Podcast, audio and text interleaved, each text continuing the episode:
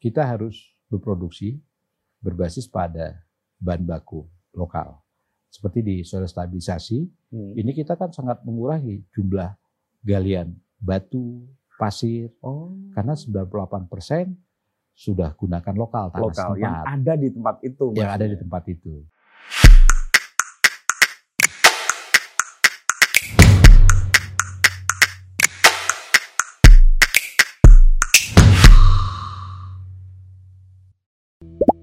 Halo teman-teman, ketemu lagi dengan saya Purut EA, Kepala Suku Mojo.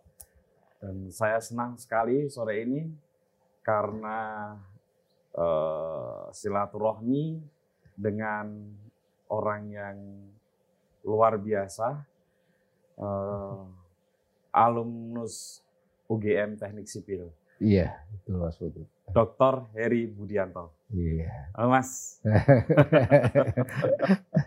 masih ngajar Mas? Eh, enggak, eh, 2011 saya itu mulai berhenti ngajar. Berhenti ngajar. berhenti ngajar. Tapi masih ingin ya. ngajar. Tapi masih pegawai negeri ya? ya masih pegawai negeri. pegawai negeri. Beliau ini eh, dosen di mengajar di Teknik Sipil UGM Ya di D3-nya di ya. D3-nya, Di sekolah vokasi. sekolah vokasinya. Tapi kuliahnya di S1 Teknik Sipil kan? Iya, S1 teknik sipil. Eh, bisa ceritakan kenapa dulu memilih kuliah di UGM? Eh, jadi pertimbangannya eh, biaya yang murah ya, terutama di Jogja itu. Hmm. Kemudian kalau mau di UGM teknik ya sipil. Apalagi eh, kemudian saya saya teknik sipil hidro ya mas ya. Ah. Eh, itu nomor satu. Oh, Teknik Sipil itu dibagi-bagi lagi. Bagi lagi Kalau boleh tahu, ada kalau dulu eh, secara garis besar konstruksi, konstruksi. transportasi dan teknik sipil hidro. Oh. Teknik sipil hidro UGM itu ya nomor satu lah di Indonesia. Teknik Sipil Hidro itu kira-kira apa ya? Kalau diaplikasikan begitu. Ya itu di kan nggak kan nggak mungkin bikin sumur resapan gitu. itu salah satunya, salah satunya, ya, salah satunya. salah satunya sumber Eh. resapan. Tapi memang tidak sederhana ya konsep di air itu. Jadi eh, satu angkatan itu pun paling 10 orang. Nah di hidro itu kita belajar eh, air. Air, ah. termasuk sorry dam, Iya. dam, Ah. bendungan gitu ya. Ya itu termasuk. Jadi pertama tentang eh, jumlah hujannya dulu itu kita di hidrologi. Itu hidrologi satu, hidrologi dua dan UGM mimpin di situ dengan eh, hidrograf satuan gamma oleh Profesor Sriarto. Hmm. Eh, jadi nggak mudah kan mau ngitung jumlah air hujan yang turun kemudian jadi debit di sungai. Hmm. nah, Ketika sampai sungai itu nanti di hidrolika. Oke. Nah, itu masih eh, steady. Hmm. Gitu ketemu muara ada pengaruh pasang surut unsteady. Uh, Oke. Belum lagi nanti sedimentasi yang kita hitung. Hmm. Nah, uh, uh, usaha-usaha yang berbau lingkungan seperti imbuhan menambahkan imbuhan air tanah Hmm. itu memang penting juga. Tetapi dalam pengendalian banjir ada konsep yang lebih besar karena biasanya uh, banjir ini disebabkan oleh kerusakan das di mana puncak banjirnya tinggi dan waktu sangat pendek Hmm. usaha-usaha untuk imbuhan seperti tadi eh, buat sumur resapan itu paling maksimal di 7 sampai 10 persen aja mengurangi puncak banjir. Oh. Jadi harus ada effort lain yang lebih besar. Eh, misalnya membangun waduk di atasnya untuk menahan eh, mengurangi jumlah. Laju Iya. air gitu ya. Iya. Nah itu saya memang intens di S1 waktu itu ya. Mas Heri ini kan kemudian S2-nya kalau nggak salah yang di IT ITB Teknik Lingkungan ya. Ya, tadi- S3-nya juga. ya S3 Nah, juga. itu bisa cerita soal S2 dan S3-nya. Jadi eh, setelah saya eh, mengasumsikan ya, ah selesailah di eh, kuantitas ya, saya ingin belajar kualitas air gitu kan. Oke. Ya, bagaimana penanganan kualitas air kan gitu. Kemudian masuklah saya di S2 Teknik Lingkungan ITB. Waktu itu sudah mengajar di sebagai dosen UGM ya. Ya, di D3 Di kalau ya. Kalau kayak gitu dibiayai. Oh Mas, iya, biaya Dibiayai dari pemerintah. Pemerintah ya. Ah, ah, dari Depdikbud ya waktu Ya, itu ya. ya, ya. Saya pakai eh, beasiswa untuk dosen itu. Nah itu eh, saya pegawai negeri CPNS itu 97, kemudian dua tahun ngajar gitu kan. Hmm. Loh saya ini ngajar apa ya gitu. Dengan ilmu S1 tadi kan. Sementara eh, guru-guru saya masih ada. Saya mengasumsikan saya hanya menerima 50% ya dari guru saya. Kemudian saya ajarkan lagi ke mahasiswa saya, mahasiswa saya terima 50%. Ini kan tinggal 25 ya Mas. Iya, tinggal. Sementara guru saya masih ada. Lu ini bahaya ini kata saya penurunan kualitas. Itulah yang mendorong saya terus untuk sekolah di Hmm. teknik lingkungan. Nah, menariknya di, eh, di teknik lingkungan ITB eh, saya lebih ke proses ya.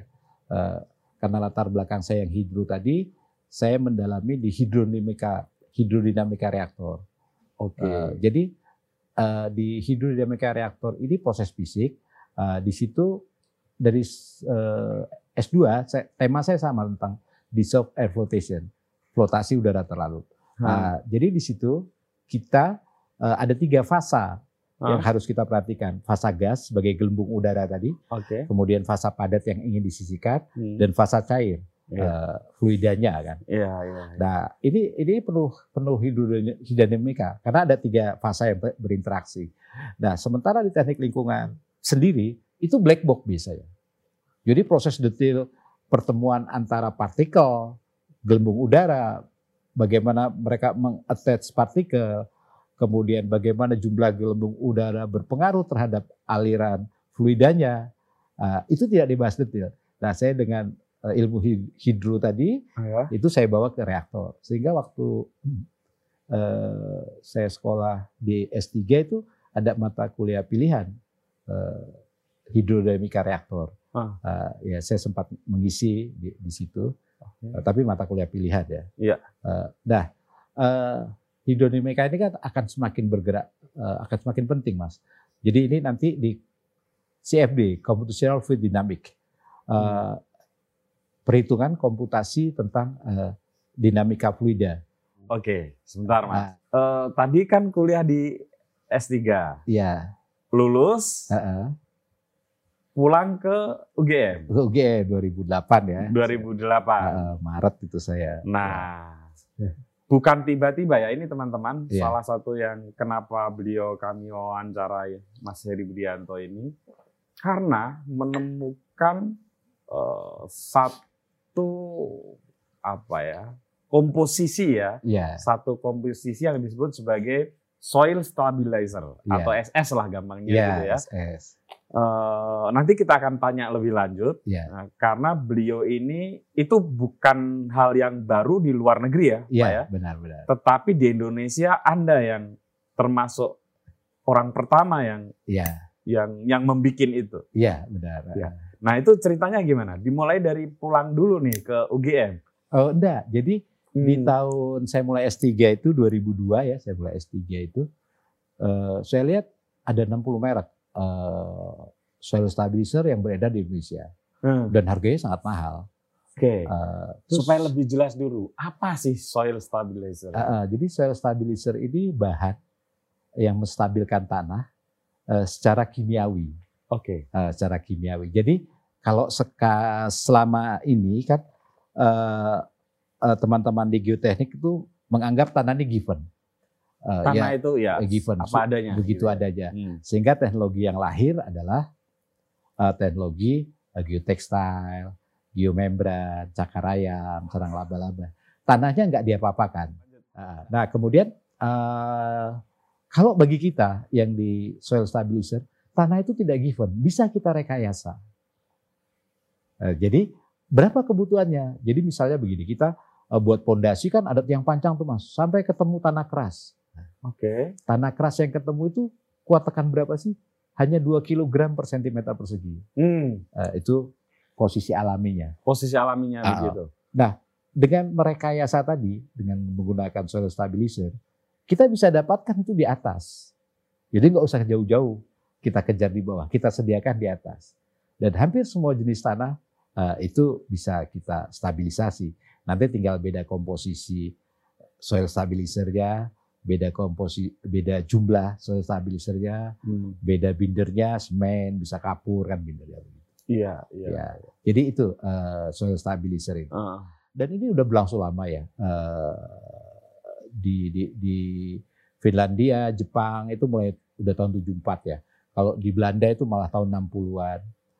Eh, ini berkembang sehingga mereka melihat Indonesia yang punya 30% tanah lunak ini hmm. pasar yang besar. Oh. Nah, kemudian saya orang sipil masuk lingkungan. Hmm. Kaget tuh Mas dapat kimia tuh. Nah. Saya pelajari, uh Ya. eh, apa hanya ion exchange ternyata kan itu. Nah, ya udahlah saya mulai kan.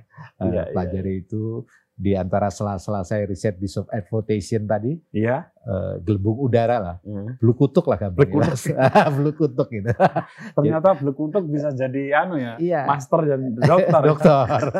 nah, Kita Dari- cerita SS dulu. nih. Iya, da- dari situ uh, kemudian karena saya tahu ion exchange gitu ya, saya pelajari di sipil kan nggak dapat kimia. Uh, di S2 teknik lingkungan dapat kan gitu. Hmm. Nah, di antara riset DAF tadi, saya cobalah bangun komposisi sehingga lama.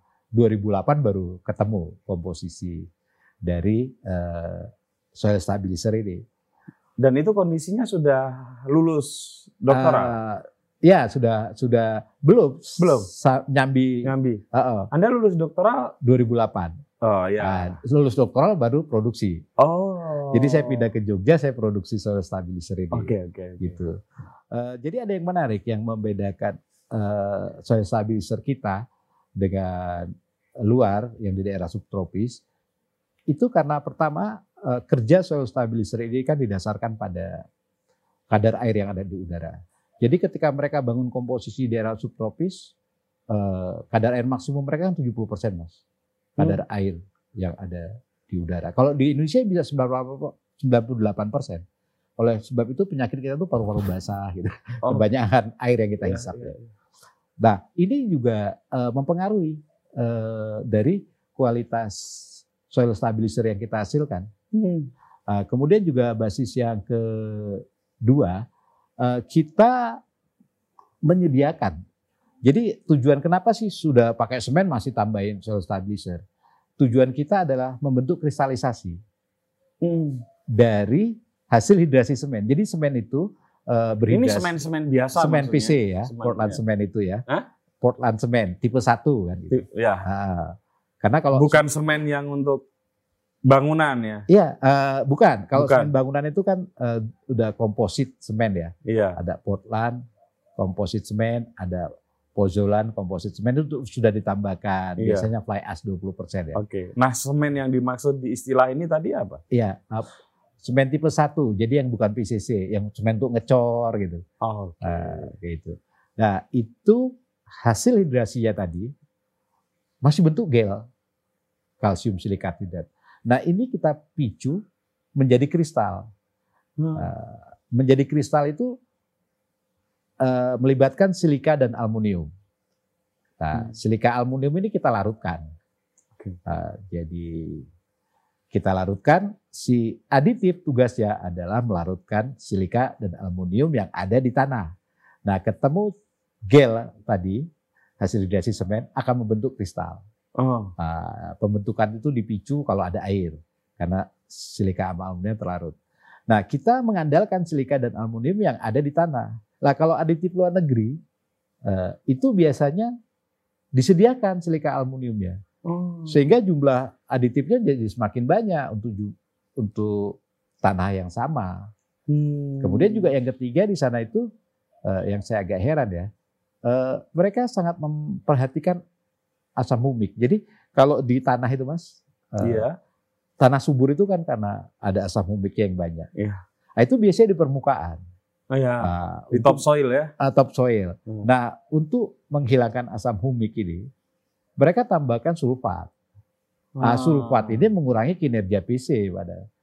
Nah, pada kenyataannya di sipil ini eh, kita nggak tidak pernah gunakan topsoil. Topsoil kita singkirkan, Singkirkan, nanti baru- untuk reklamasi lagi ya. Iya, iya. Nah, jadi itulah beberapa kelemahan dari Hmm. yang kita koreksi ya Hmm. eh, dari riset-riset soil stabilizer di luar negeri. Kok kepikiran untuk memproduksi? Eh, ya, Nah. jadi karena kita memperkenalkan, Maaf ya, Eh, eh, banyak yang meneliti tetapi tidak memproduksi kan? ya, Banyak sekali ya. karena kebetulan saya dosen sekolah vokasi ya atau D3 dulu ya. Iya. Nah, itu kan harus aplikatif tuh mas. Oke. Eh, harus aplikatif. Nah, kata saya, saya harus bisa sampai mana barangnya kan begitu ya. Hmm. konsumen kan butuh itu kan. Hmm. Monggo pak, teorinya mau ion exchange, mau double layer ya toh. Yang mau penting poli- mana barangnya. mana barangnya. Iya. Nah, sementara harga saat itu sangat tinggi.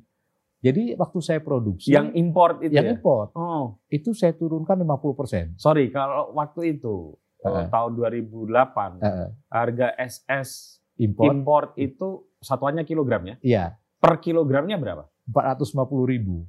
450 ribu. Nah, begitu saya produksi, menurut saya dari hasil riset saya, wah dua ini akeh gitu. Wong, wah enggak terima saya. gitu saya produksi mas saya separuhnya. Jadi dari 60 merek yang beredar, paling sekarang tinggal 11 merek lah. Tergerus oleh pasar Anda. Iya, tergerus oleh harga yang kita banting. Dan Jadi- itu harga harga anak bangsa kan? Iya, harga anak bangsa Dan sudah disesuaikan dengan kondisi di Indonesia. Indonesia. Hmm. Nah, tadi menariknya, kita jumlah aditifnya juga hanya 50% dibanding jumlah aditif dari luar untuk mencapai kekuatan yang sama. Saya mau tanya gini, eh, proses tersulit di risetnya dulu dalam membuat Eh, komposisi. SS, ya, komposisi SS itu. ya proses tersebut itu menemukan komposisi yang pas ya. Karena begini, kita waktu percobaan awal itu pakai pure grade. Jadi yang eh, pure grade itu yang sampai 98 99 persen eh, Ah. kadar kemurnian Iya. eh, senyawa gitu. Nah gitu mau produksi kan nggak mungkin pakai pure grade. Kenapa? Pakai ya pakai industrial grade dong. Pure grade Oh, iya, mahal iya, mas. iya, iya, iya, Kudu iya, industrial iya. grade. Paham, paham, paham. Nah, industrial di industrial grade ini kan impuritiesnya paling 3 persen. Tetapi ini sangat mengganggu sekali. itu kinerjanya. Juga, itu juga kelemahan di banyak penelitian ya. Ya, Misalnya penelitian pertanian, oke produktif di Eh. skala denplot misalnya. Iya. Tapi begitu di skala industri la- lahan yang luas, ya Iya. masih banyak kekurangannya kayak kayak gitu ya. Iya, itu memang tantangan dari eh, riset Nah, gitu. Eh, masuk tadi pakai industrial grade ya toh kinerjanya turun jauh. Tidak seperti saat pure grade kan gitu. Betul. Berarti komposisi kan harus diulang lagi. Impuritas yang impuritas yang 3% itu mempengaruhi sekali. Yang ulang lagi, Mas. Nah, itu yang paling berat. Hmm. Akhirnya eh, karena begitu banyak kemungkinan ya iso nekur dungo ya toh.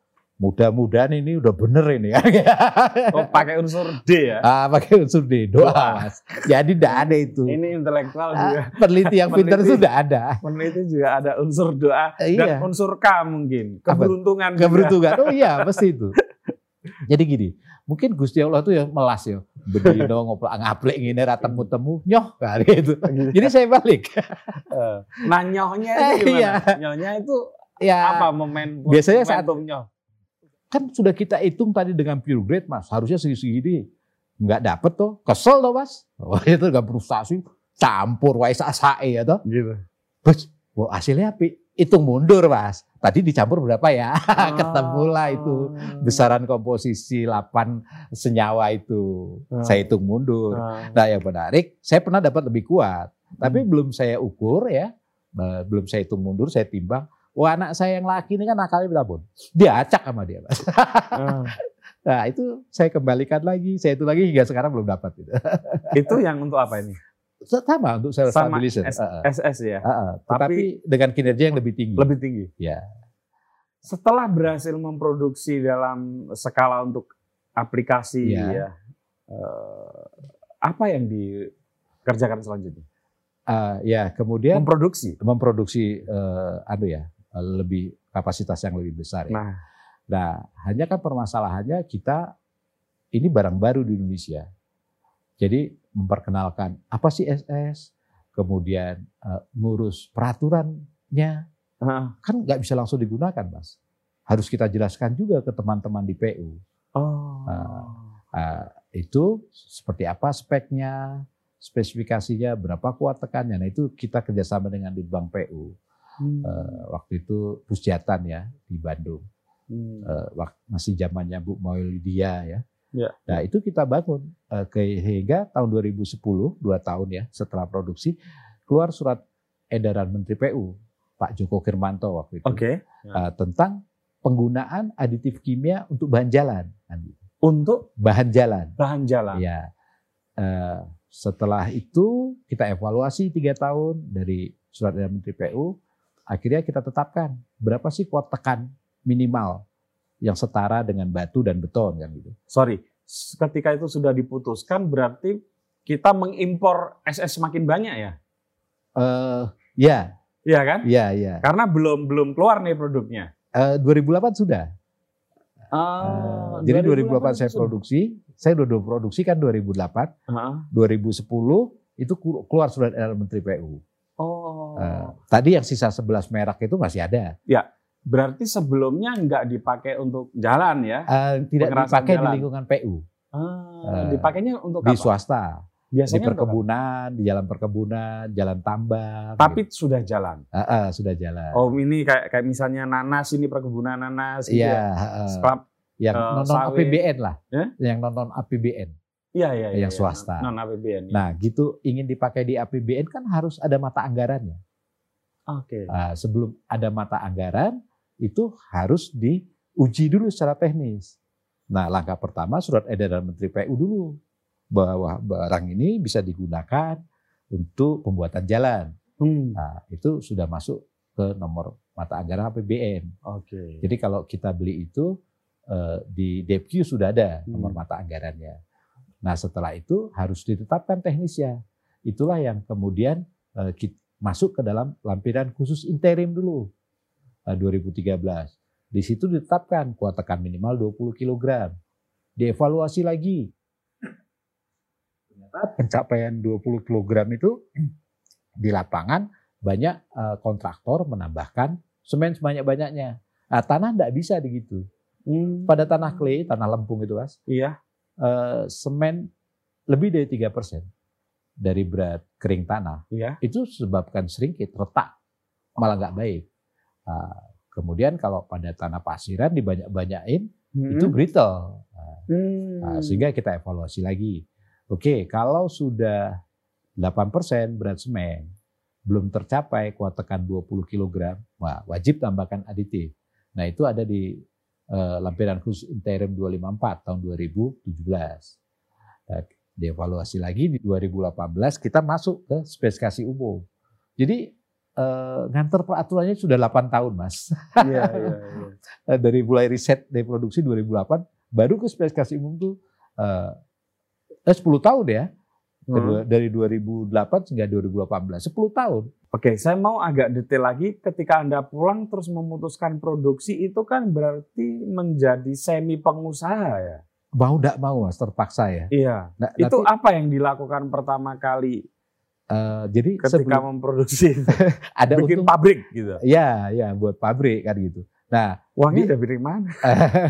nah Sisa-sisa tadi itu ya. sisa dari ini eh, saya kan konsultan juga Oh. eh, jadi konsultan desain jalan itu Hmm. eh, di tahun 2008 hingga 2012 itu.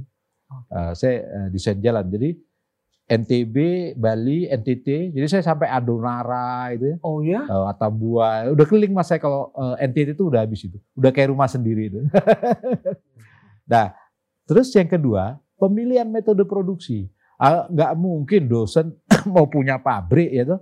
Iya. Saya pilih metode produksi yang eh, paling hemat biaya.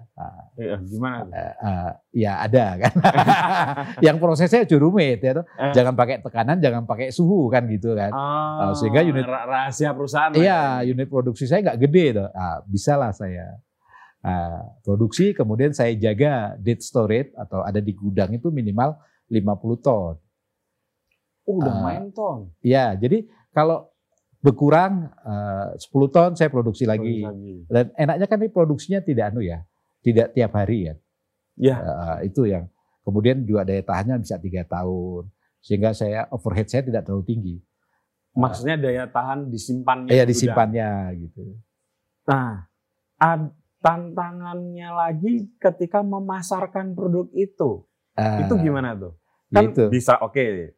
Sekarang sudah bisa memproduksi secara Iya, massal. iya. Udah bikin pabrik memproduksi. Iya. Nah, menjualnya kan nggak gampang juga tuh. Iya, Menjual barang seperti SS ini. iya Eh, harus didik konsumen kita. Iya. Eh, Karena barang kompetitor sudah banyak juga iya, kan? sudah sudah banyak. Yang kedua yang lebih berat tadi eh, metode ini udah oke belum kan gitu. Ya kita lewat teman-teman konsultan nyampaikannya teman-teman di balai besar jalan dan jembatan. Hmm. Karena semangatnya sama ya. Jadi semangatnya adalah bagaimana kita mengurangi eh, sumber daya alam dalam membangun jalan. Oh. Jadi kalau selama ini kita bangun pakai jalan batu gitu ya Mas ya. Eh, resep tradisional itu. Itu batu tersedia itu cuma ada di eh, eh, Palu dan Merak yang masuk spek untuk buat jalan di Indonesia. Oh ya. Kan jadi sangat mahal. Eh, Dan suatu batu saat akan habis juga. akan habis. Nah, atau beton sama lah kan begitu ya. Nah, kalau dengan soil stabilizer ini bahan baku lokal itu bisa sampai 92% kita gunakan. Maksudnya 92 Saya persen. pakai tanah di situ. Ah, tidak perlu Datangkan. input eh, dari luar ya. Iya, inputnya kan tadi cuma eh, semen 8%. Oke. Eh, Sama SS. SS-nya itu cuma 1 sampai 2 persen aja dari berat semen, bukan berat kering. Ber- ah. Jadi paling sekilo 2 kilo untuk satu meter kubik kan begitu. Eh, Jadi kalau satu kilo kira-kira membutuhkan berapa SS? ya kalau lebar 5 gitu ya. Lebar 5? Iya satu ton. Eh, sedikit sekali aditifnya itu. Jadi dibanding nilai proyek gitu tapi, ya, nilai tapi kalau membangun satu kilo, saya kebayang uang Anda banyak banget itu. Kalau satu kilo lah. eh, Kalau 100 kilo. eh, sebenarnya relatif ya uang itu. Nah kalau saya sih untuk riset-riset berikutnya, tapi dengan catatan berbasis bahan baku. Eh, masalah utama kita adalah bagaimana bahan baku lokal kita itu menjadi semakin berguna. Nah itu kita bisa mandiri. Sehingga pesta pembangunan ini pesta pembangunan rakyat Indonesia. Oh ya maaf. Eh, nama perusahaannya eh, Mas Heri ini adalah Diva ya, Eh, Diva Mahakarya. Diva Mahakarya. Iya. Kok sorry eh, supaya Eh, ini, di, kok namanya Diva Mahakarya? Mahakarya oke lah. Eh, Oke, Diva itu nama anak saya, Ah, Dila Farhan. Jadi kita dulu punya pernah punya merek ya. ah. Kemudian ya pecah kongsi dagang. Ah, ini kalau pecah kongsi dagang nggak rebutan merek. Kalau nggak punya anak namanya Dila Farhan bukan barangmu. ya. Balik lagi ke lantai. Lantai ini ya kita- apa? Dibuat tadi dengan dengan abu marmer kita tambahkan Diva, tambahkan semen. Eh, Nah ini juga ini bukan kayu ya. Eh, ini bukan kayu. bukan. Iya, iya. eh, Apa ini? ya itu tadi limbah dari kapur, limbah dari abu potong eh, merapi dari batu merapi kita potong ada halusnya tuh nah, itu kita gunakan untuk bahan ini lisplang di depan kayu-kayuan ah ini rumah percobaan mas Oh. gitu jadi kita harus yakin kita Ini bukan gunakan kayu dulu. ya. bukan Wah. Menarik. banyak hilirnya ya eh, Hmm. yang bisa kita aplikasikan Hmm. Ya. Terakhir ini. Ya. isu pembangunan kita ini salah satunya yang terpenting adalah isu lingkungan. ya Bagaimana kelestarian alam tetap terjaga supaya eh, bisa menopang menopang hajat kehidupan manusia di generasi-generasi selanjutnya. ya Nah, kalau di pandangan Mas Heri gimana sebagai seorang doktor, seorang intelektual sekaligus seorang pengusaha? Ya, jadi menurut saya kita harus berproduksi berbasis pada bahan baku lokal. Seperti di soil stabilisasi, Hmm. ini kita kan sangat mengurangi jumlah galian batu, pasir, Oh, karena 98% sudah gunakan lokal tanah lokal yang ada di tempat itu. yang ada di maksudnya. tempat itu. Nah, inovasi-inovasi yang lain juga harus sustain seperti itu. Oke, Mas Heri. ya mas. Terima kasih banyak. Oke, Ini Mas. obrolannya menarik Sama-sama. dan mungkin lain kali kita mau ngomongin soal yang lain tadi itu ya. Ya, Lebih spesifik ke yang masih skala lab ya, ya, eh, yang kira sehingga kira-kira begini selama ini kan pembangunan apa pun itu selalu punya implikasi terhadap lingkungan ya, dan belum ada titik temu yang yang bisa diterima oleh banyak pihak. ya, Nah, saya kira perlu orang-orang yang bukan hanya secara teoritis, Ya. gitu, tapi ada jawabannya secara aplikatif. ya. Nah, itu yang kita butuhkan. Ya, benar sekali. Ya. Ya. Dan salah satunya Anda. Terima kasih banyak. Terima kasih. Mas Heri atas ilmunya. Ya, Teman-teman, itu obrolan saya dengan Mas Heri Budianto ya ya yang telah apa ya memproduksi salah satu komposisi soil stabilizer pertama kali di Indonesia Ya. anak bangsa Ya. dan mengurangi berbagai dampak kerusakan lingkungan. Ya. Terima kasih Mas Heri. Sama-sama. Sampai ketemu lagi dengan tamu saya selanjutnya. Ya.